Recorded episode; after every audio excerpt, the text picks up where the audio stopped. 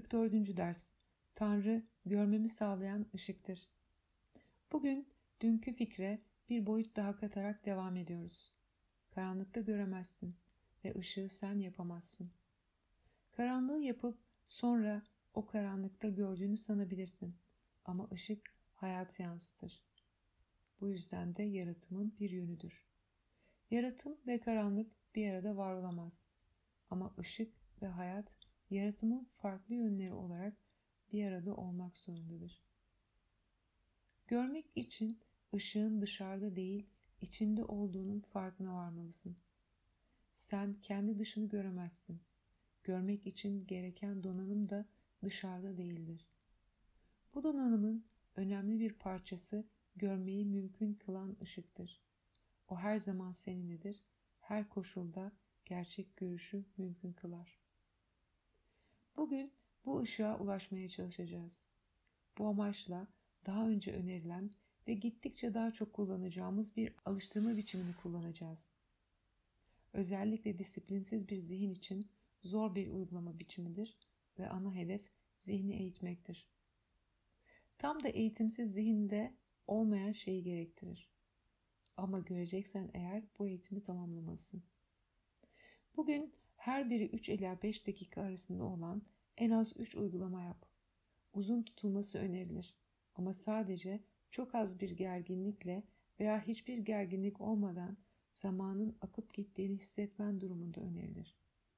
Bugün kullanacağımız uygulama biçimi eğitimli bir zihin için dünyadaki en doğal ve en kolay biçimdir.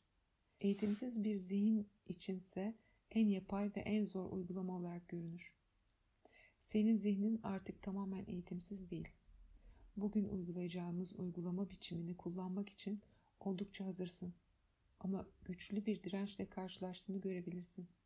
Bunun nedeni çok basittir.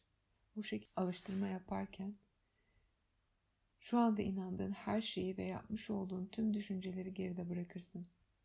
Aslında bu cehennemden kurtuluştur. Ama egonun gözüyle algılandığında bu kimliğini kaybediş ve cehenneme iniştir. Egodan azıcık da olsa uzaklaşabilirsen eğer, onun karşı koymasının ve korkularının anlamsızlığının farkına varmaz zor olmayacak. Zaman zaman kendine ışığa ulaşmanın karanlıktan kaçış olduğunu hatırlatman faydalı olabilir. Aksine neye inanırsan inan.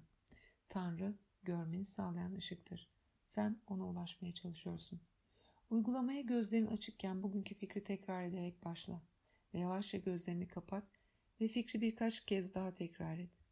Sonra zihnine gömülmeye çalış. Her tür müdahalenin yanından geçip giderek onları bırak. İstemediğin sürece zihin bunu yaparken durdurulamaz. O sadece kendi doğal yönünde ilerler. Geçip giden düşüncelerin içine girmeden onları izlemeye çalış ve sessizce yanlarından geçip git.